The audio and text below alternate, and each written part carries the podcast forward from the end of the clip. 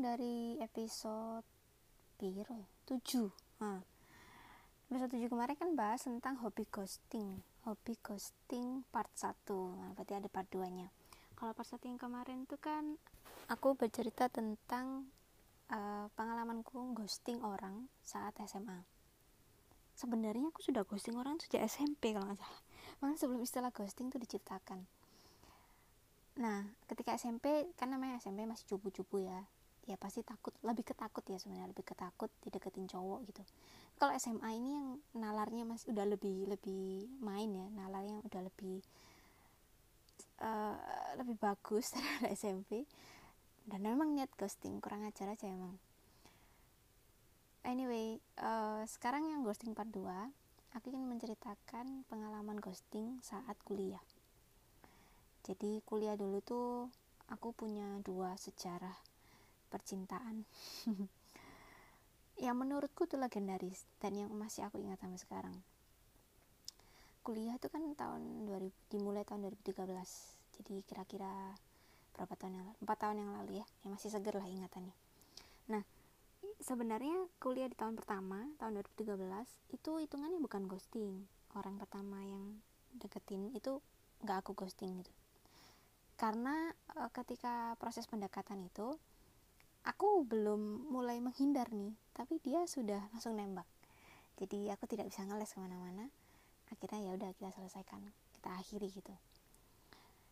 Nah yang orang kedua ini orang yang berbeda. Mungkin aku akan ceritakan ya. Ini aku udah pernah menuliskan dia di Tumblr. Jadi orang kedua ini sebut saja namanya Teddy. Orang kedua ini bisa dibilang oh, si Teddy itu orang yang paling aku tidak menyangka orang seperti ini itu bisa naksir sama aku gitu. Maksudnya kayak wow kayak really? Kayak aku nih gitu. Emang aku kenapa nih kok aku ya? Gitu kayak aku padahal gini banget loh kayak aku tuh di bawahmu banget gitu kelasnya. Istilahnya aku bukan apa ya levelku tuh di bawahmu pol gitu kayak kamu pasti bisa dapet yang lebih baik gitu jadi aku nggak pernah menyangka. Ternyata uh, memang dia ada ketertarikan saat itu. Kalau feelingku ya feelingku itu ketertarikan dia dimulai ketika dia eh, ngirim SMS ke aku. Sekitaran bulan Januari. Jadi waktu mau libur semester 1 uh, libur semester 1 mau ke semester 2 dia mulai sering kirim SMS SMS ya karena zaman dulu HP ku masih Nokia Asha. Nokia Asha yang tidak bisa line dan yang bisa WhatsApp dan SMS dia kirim SMS uh, tanya-tanya. Kebetulan aku orang Malang ya dia tanya eh emang kalau orang Malang itu ngomongnya suka dibalik-balik ya? Udah segitu doang SMS-nya terus dikirim ke aku. Aku kayak eh apa nih tiba-tiba ada SMS tapi aku gak ada kecurigaan sama sekali oh ya aku jawab biasa aja. Mungkin dia cuman uh, apa ya sekedar ya beneran tanya gitu loh. Memang kan namanya kuliah ya. Uh, ketika kuliah kan circle pertemanan kita kan jadi beragam dari ber berbagai macam daerah gitu. Dan mungkin bagi dia uh, itu bahasa yang aneh gitu kan bahasa Malang dibalik-balik. Mana dia tanya orang Malang. Jadi so aku fun fun aja. Aku jawab iya dibalik-balik. Emang kenapa? Nggak apa-apa tanya doang gitu. Nah setelahnya aku lupa SMS-nya apa aja. Pokoknya kita sampai sempat bahas tentang The Beatles tentang musik-musik gitu. Karena aku dulu sempat mendengarkan The Beatles waktu SMA karena gebetanku waktu SMA tuh seneng The Beatles dan aku juga tertarik sama The Beatles jadi aku mendengarkan album-albumnya. Tapi nggak semuanya suka ya ya kayak beberapa lagu gitu suka. Jadi cukup ngerti lah The Beatles membernya siapa ngerti lah gitu ya jadi kayak dia merasa oh keren banget. Kayak jarang nih ada cewek yang tahu gitu kayak mungkin gitu mungkin maksudnya dia. Akhirnya kedekatan itu berlangsung semakin intim ketika kita sering jogging. Jadi dia tuh anaknya suka ini uh, dia dia anggota basket. Dia tim basket gitu. Ya bisa dibayangkan ya proporsi tubuhnya bagaimana bentuknya kayak gimana bisa dibayangkan ya dia anak basket jadi dia kayak sering olahraga gitu. Nah aku tuh seneng diajakin jogging karena memang aku suka sekali cowok yang suka olahraga karena bapakku tuh juga uh, mantan atlet lari jadi olahraga sporty banget lah orangnya olahraga banget. Nah akhirnya sering diajak jogging sampai kita jogging berdua juga pernah. Makin lama makin dekat terus kita sering keluar makan keluar nonton juga pernah. Terus dulu waktu kuliah aku tuh ikut futsal. Terus aku tanding futsal mewakili jurusan dan ya dia support karena waktu itu kan kita lagi deket ya. Dia support sampai kita tuh pernah bikin taruhan gini. Kalau aku masuk semifinal futsal, tim futsal aku masuk semifinal kamu potong rambut ya gitu. Aku bilang gitu. Karena rambutnya gondrong banget. Dan dia tuh kadang-kadang nggak suka mandi pagi tuh kadang nggak mandi gitu ya oh gitu. Sedangkan aku kan orang Malang ya iklimnya dingin gitu jadi kayak harus mandi nih dua kali. Nah terus ya kita hal-hal kecil yang lucu gitu. Terus dia tuh nggak suka eh, film-film horor. Takut. Dulu waktu itu waktu nonton berdua aku ajakin nonton film The Raid dan dia takut sama adegan bacak-bacak yang aku kayak wow ikut uas keren banget. Terus kayak dia aduh aduh aduh aduh aduh serem serem serem gitu. Jadi lucu aja. Dia hatinya Hello Kitty banget. Sampai suatu ketika kita semakin dekat karena saat semester 2 itu kita mengambil kelas yang sama sekelas juga. Jadi sehabisnya kelas itu sering menghabiskan waktu berdua di perpus. Entah itu buat nonton film buat ngobrol buat mojok lah istilahnya gitu ya. Ngucup ngucup. Gitulah. Uh, yang aku inget juga dia itu suka ini memperkenalkan makanan makanan yang belum pernah aku makan sebelumnya. Namanya pepper lunch. Dan itu jadi makanan favoritku sampai sekarang. Salah satu favorit juga. Aku nggak pernah dengar kan namanya orang di Malang ya kota yang nggak se nggak se nggak serami Surabaya lah mallnya itu. Malang kan paling mallnya Matos, Emoki itu yang boys ya. Yang lainnya kan ya biasa gitu makanan-makanan fast food juga nggak banyak tuh gitu. nggak nggak ngetren ngetren kayak di Surabaya. Jadi itu baru tahu aku ada pepper lunch terus aku makan pepper lunch terus enak banget. Dan ditraktir. Karena katanya dia ulang tahun atau apalah aku nggak ngerti. Nah terus setelah itu dia juga memperkenalkan aku sama merek skincare body shop. Ini karena aku nggak pernah pakai skincare dari aku remaja bahkan aku tuh cuman pakai sunblock tok. Setelah itu nggak pernah pakai apa-apa lagi. Paling lotion moisturizer sama sunblock. Wis itu tuh nggak pakai apa-apa. Sama sabun cuci sabun muka sabun muka. Dia tuh dia tuh karena kulitnya e, berjerawat jadi dia tuh pakai treatment treatment dari toko-toko skincare itu salah satunya body shop. Jadi untuk pertama kalinya waktu kita jalan-jalan ke mall aku tuh diajakin mampir ke toko body shop toko skincare terus kayak ketawa kayak iya kamu cowok pakai skincare kayak gitu kan karena aku emang tomboy banget.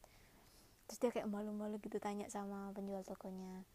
Kalau nggak salah dia beli tea tree oil untuk menghilangkan jerawat. Kalau kamu mendengarkan ini apakah kamu masih memakai tea tree oil sampai sekarang? Kayaknya dia nggak mendengarkan podcast ini deh.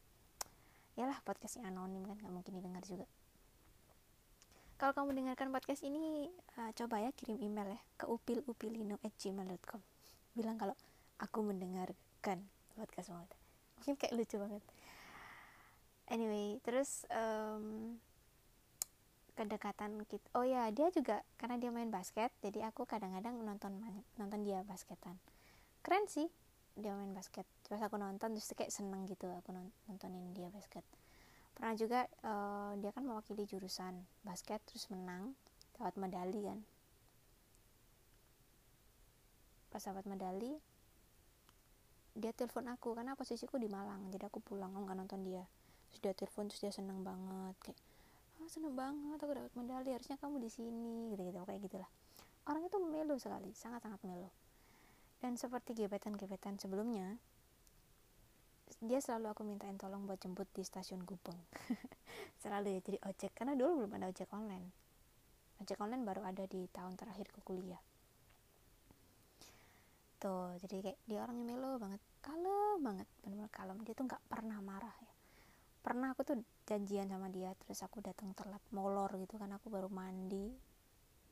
Molor lah pokoknya mager. Terus aku baru datang dia cuman kayak kamu dari mana aja? Gitu kayak dia marah tapi dia nggak bisa marah gitu. Sedih sih. Sorry banget. Tapi dia memang nggak bisa marah. Aku kata-kata kayak gimana dia tetap aja melo banget. Sudah juga sering cerita kalau dia dulu pernah punya pacar pertama tapi cuma bertahan berapa minggu gitu karena dianya nggak terlalu suka. Terus dia cerita dia punya saudara adik dia punya adik dia punya adik cewek ada cowok juga banyak lah pokoknya hal-hal yang melo-melo gitu. Nah di akhir semester 2 waktu itu dia ulang tahun. Bintangnya Gemini. Sebenarnya Gemini sama Leo tuh cocok loh sebenarnya sebenarnya. Satunya itu flirting satunya tuh the queen. Leo the queen. Jadi kayak hmm yang suka flirting ini kalahnya sama ratu ini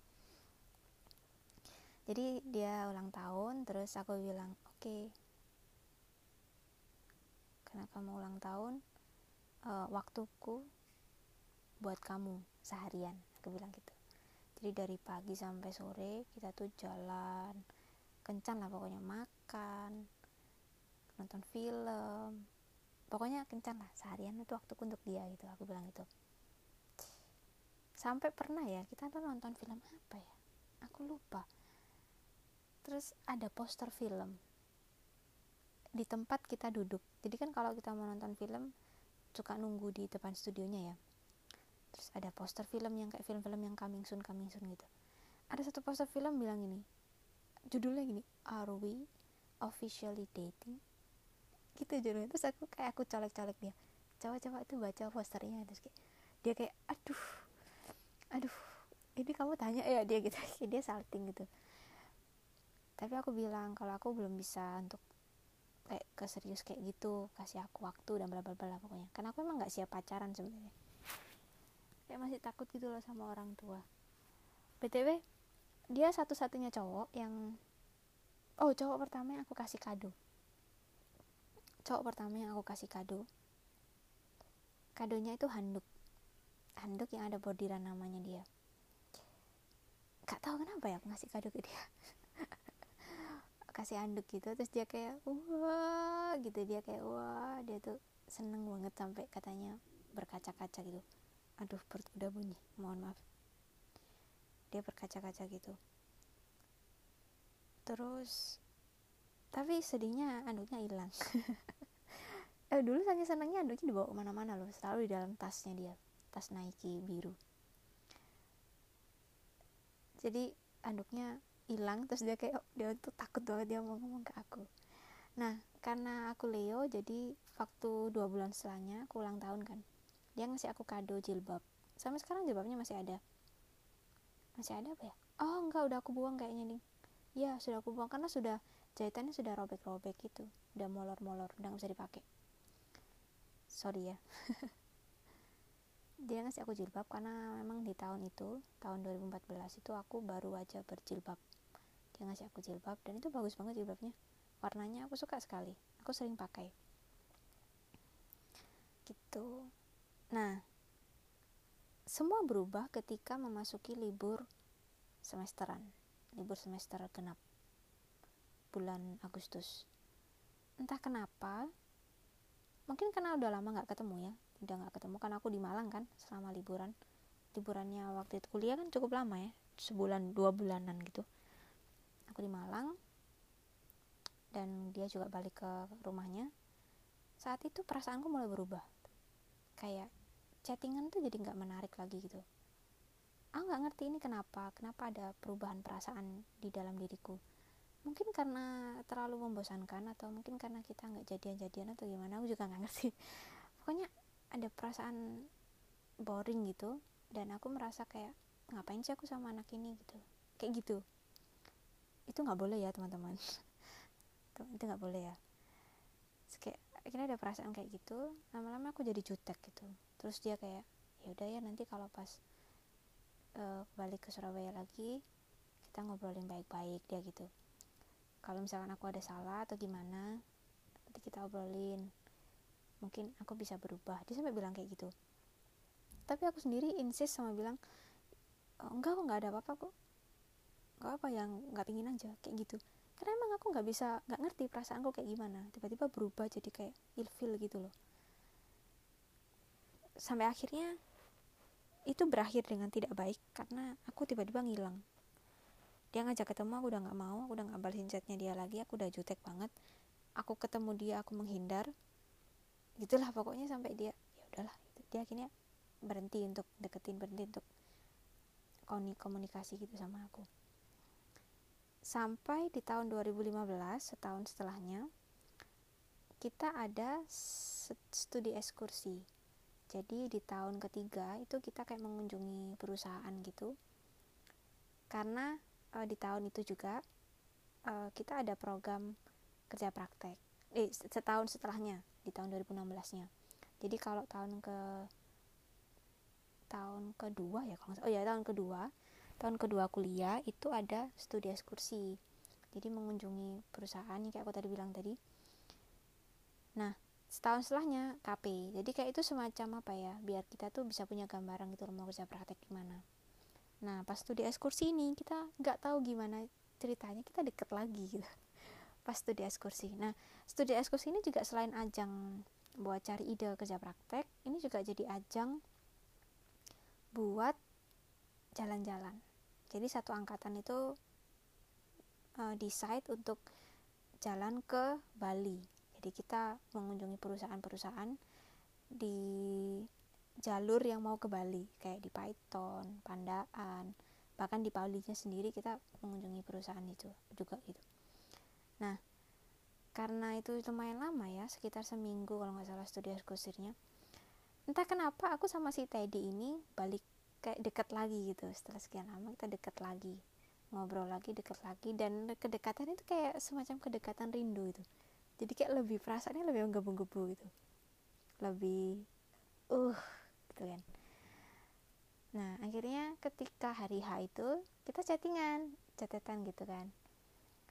Terus kayak anak-anak itu masih sering goda-godain kita gitu. Anak-anak angkatan tahu kalau aku deket sama dia Nah, pas di pantai mana ya? Malamnya di Kute, kita tuh janjian untuk pergi. Ya udah nanti malam kita pergi ya, gitu jalan-jalan di Kute. Di Kute. Nah, aku tuh ngajak temanku satu lagi, jadi kita bertiga. Nama temanku nih si Teteh, panggil aja dia si Teteh gitu. Nah, aku sama si Teteh sama si Teddy kita jalan di pantai Kuta kita jalan ke arah pantai Kuta. Jadi kayak uh, ngelewatin bar-bar gitu ya pub bar gitu-gitu berdua. Terus kita foto di monumen Legian itu monumen bom Bali.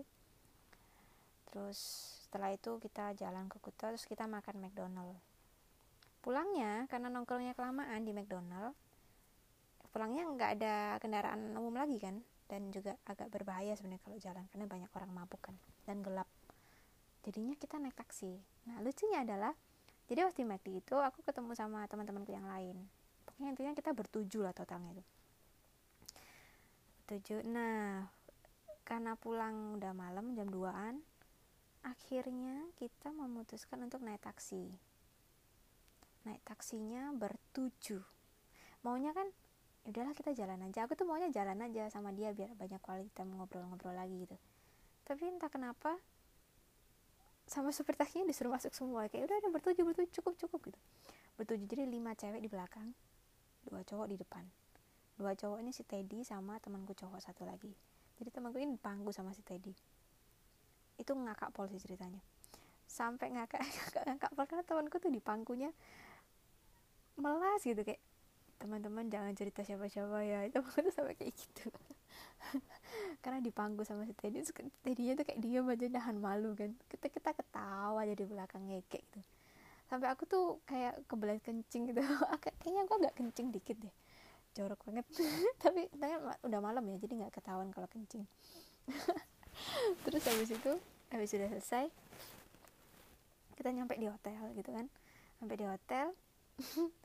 Terus kayak teman-teman jangan ceritain siapa siapa ya gitu. Temanku bilang gitu terus kita istirahat. Nah besoknya kita jalan-jalan lagi ke Bedugul lah ya kalau nggak salah. Nah di situ dia nempel banget sama aku. Nempel bang kita nempel banget pokoknya. Aku agak risih sebenarnya ditempel-tempel gitu ya karena nggak biasa diikuti mana-mana gitu. Sampai kita tuh foto-foto bareng dari mulai foto-foto yang dari pantai ya di pantai kita foto-foto. Di Bedugul tuh paling banyak fotonya kita berdua. Terus kita foto-foto di Joger wah kita banyak foto-fotonya gitu. Setelah dari Bali pokoknya indah banget. Besoknya uh, kembali kuliah lagi kan hari Seninnya. Pulang balik kuliah lagi. Entah kenapa dia ngintil aku terus gitu. Kayak hmm, terus aku kayak nggak nyaman gitu diintil terus. Tapi salahku adalah aku nggak ngomong ke dia kalau aku nggak suka nih diintilin kayak gini aku nggak suka kamu menurutku ini posesif kayak gitu. Tapi nggak bisa ngomong. Karena mungkin tadi ya kedewasa, tingkat kedewasaanku masih kecil masih rendah gitu saat itu. Jadi aku kayak menghindar aku kayak marah-marah gitu. Sampai akhirnya di parkiran jurusan aku bilang ke dia ini kita nih ujungnya ke mana ya? Aku bilang gitu ke dia. Ya pacar gitu. Ya tapi kan aku istilah aku masih mau aku masih ingin terbang bebas gitu loh. Nggak mau terikat pacar emang kamu target nikahnya berapa? Aku tanya gitu ke dia. Terus dia bilang 27 ya udah sama aku juga 27 ya udah kita pacaran aja gitu woy. saya bilang aku nggak bisa gitu. Karena aku merasa terkekang gitu. harusnya di momen itu aku bilang ke dia harusnya ya uh, untuk ya kita menjalin hubungan tapi jangan ngekang aku gitu kan. Aku nggak suka dikekang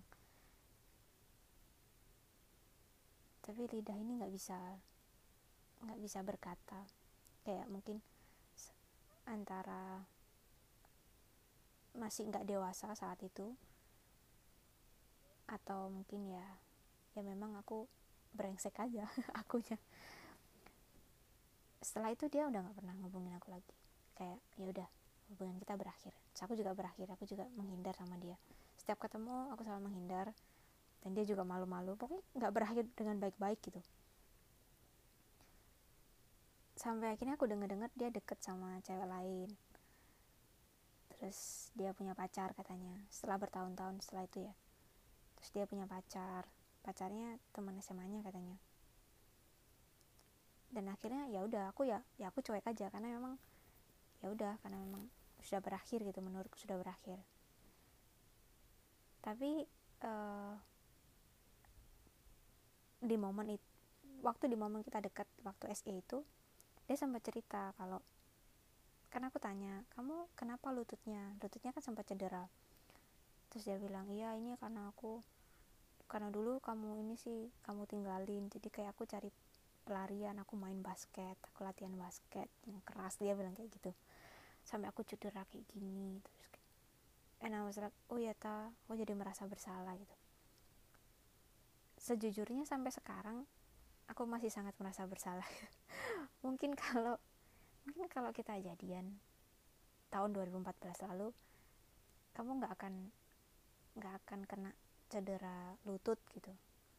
Nggak akan sampai kayak gitu nggak akan sampai putus gitu lutut atau di lututnya. Karena saya nggak tahu sekarang dia kayak gimana tapi kayaknya udah baik sih. Kalau dulu waktu terakhir ketemu waktu sebelum lulus itu jalannya masih agak pincang-pincang gitu kan. Mungkin masih pemulihan masih terapi. Tapi kalau sekarang aku nggak tahu udah lama nggak ketemu juga. Terus ya udah. Setelah itu setelah kita ada tragedi di parkiran itu ya udah nggak pernah ngubungin lagi. Uh, aku udah nggak pernah deket juga. Kadang-kadang dia nge-react storyku dulu ya dulu waktu tahun 2017an kadang dia nge-like dia selalu nge-like twitterku. Dia selalu love twitterku itu dulu nah setelah dia punya cewek udah nggak pernah lagi nge-like twitterku. Terus udah nggak pernah. Mungkin jarang komen. Jarang jarang jarang komen di instagram juga. Dan aku tahunya dia punya cewek karena di insta di twitter dia sering sama ceweknya. Sama sering kayak balesin tweet atau gimana gitu. Di instagram juga sering kayak gitu. Dan aku juga tahu dari teman dekatnya. Kebetulan teman dekatnya juga aku kenal gitu. jadi ya udah sepertinya Tuhan membalas uh, membalas kekecewaan dia di masa lalu terhadapku dengan kebahagiaan dia yang sekarang dengan orang yang baru gitu. ya semoga apa ya setelah itu aku berpikir bahwa oh ghosting itu nggak baik. Aku nggak mau ghosting lagi gitu. Karena itu nggak baik buat aku itu juga karena itu nggak baik buat kedewasaan diriku ya aku jadi nggak dewasa karena tiba-tiba aku ngilang. Aku serasa tidak menyelesaikan suatu masalah gitu. Kesannya lari dari masalah. Walaupun itu bukan sebuah masalah sebenarnya. Tapi kayak aku menghindar dari sesuatu. Itu itu nggak boleh itu. Karena semakin dewasa kan kita harus menghadapi sesuatu yang nggak boleh terus-terusan menghindar. Jadi ghosting itu secara mental nggak baik ke aku gitu. Dan juga merugikan orang lain membuat orang lain kecewa sakit hati gitu kan. Jadi aku sejak saat itu aku nggak mau lagi ghosting orang. Nah ketika di tahap aku nggak mau ghosting orang aku yang kena ghosting. Kayak karma is back. Eh karma is real. Aku yang kena ghosting. Jadi dulu sempet uh, mungkin bukan kena ghosting ya. Ya sama-sama kayak mengakhiri aja tanpa ngomong gitu. Tiba-tiba hilang aja gitulah. Anyway itu nggak mau bahas masalah itu. Itu udah aku lupakan anyway buat si Teddy hmm, ah aku nggak ngerti ya. Mungkin kamu gak akan mendengar ini atau kamu gak akan baca tumblrku tapi you're the best thing I ever had in in my college college life. Kayak kamu mengajarin aku banyak hal kamu menjadi sosok yang super sabar gitu. Saya super super dewasa sekali. Ketika lingkungannya negatif dia mencoba melindungi aku dengan membuat aku nggak negatif juga gitu dia juga nggak ikut ketularan negatif juga gitu. Dan aku sangat appreciate itu gitu. jadi inget ya dulu dulu tuh si Teddy pernah cerita. Jadi teman kosannya itu sering ngajak cewek ke kosannya gitu. terus aku tuh bilang sama si Teddy kok boleh sih sama ibu kosnya? Kan nggak boleh. Terus si Teddy cuman bilang ya nggak tahu ya udahlah nggak usah diurusin itu bukan urusan kita gitu. Dan itu menurutku kayak wow you teach me a lot sebenarnya. Dari segi pendewasaan dari segi kesabaran pengetahuan juga. Aku jadi tahu paper lunch aku jadi tahu tea tree oil itu apa. Sejak aku kenal sama kamu gitu. Aku harap kamu dan pasanganmu yang sekarang bahagia. Ya semoga kalau memang berencana menikah semoga bisa bahagia sampai pernikahan nanti kamu you deserve better. Kamu kamu sangat sangat layak mendapatkan wanita yang yang bisa mengerti kamu sepenuhnya menerima kamu apa adanya gitu. Jadi in another life maybe I will be your girl but I don't know. Awan nggak ngerti ya ada apa ada kehidupan lain gitu selain kehidupan di sini. Dan apa ya aku minta maaf aja. Mungkin kalau ketemu aku mau minta maaf sih. Karena aku bertindak sangat tidak dewasa dulu. Gitu aja. Kalau diberi kesempatan minta maaf atau diberi kesempatan buat keep in touch lagi karena udah lama juga sejak lost contact. Dulu sering saling ngucapin ulang tahun tapi sekarang udah nggak pernah. Mungkin karena dia udah nggak pakai line lagi. Anyway nggak apa-apa lah terakhir aku ngucapin dia nggak ngucapin karena ya itu mungkin udah lost contact juga. Um, kalau toh kita ada kesempatan untuk keep in touch aku mau minta maaf. Entah itu lewat chat atau lewat telepon atau lewat video atau ketemu langsung mungkin aku ingin minta maaf sih atas segala ketidakdewasaanku sikap ghostingku yang seenaknya di masa lalu gitu. dan aku mendoakan kebahagiaan. Jadi kayak sedih ya jadi melo gini ya. Tapi itu beneran sih. Oke. Okay. oke sekian dulu ya part 2 ah part 3 ini aku mau cerita hmm, kalau part 1 part 2 ceritaku ghosting. Part 1 lebih yang kayak ke ghosting tapi berakhir baik yang part 2 nya ghosting tapi berakhir dengan banyak rasa bersalah. Nah ini part 3 ini bukan ghosting.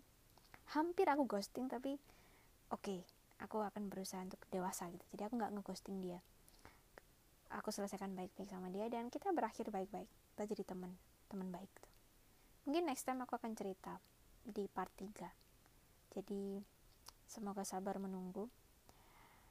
Dan aku menantikan kritik dan saran kamu. Atau mungkin kalau kamu yang mendengar ini punya cerita ghosting ghosting juga entah itu di ghosting apa nge ghosting bolehlah share share sama aku ya. Mungkin bisa kita jadiin bahan obrolan di podcast selanjutnya. Oke itu doang. Sampai jumpa. Selamat berbuka puasa. Have a nice evening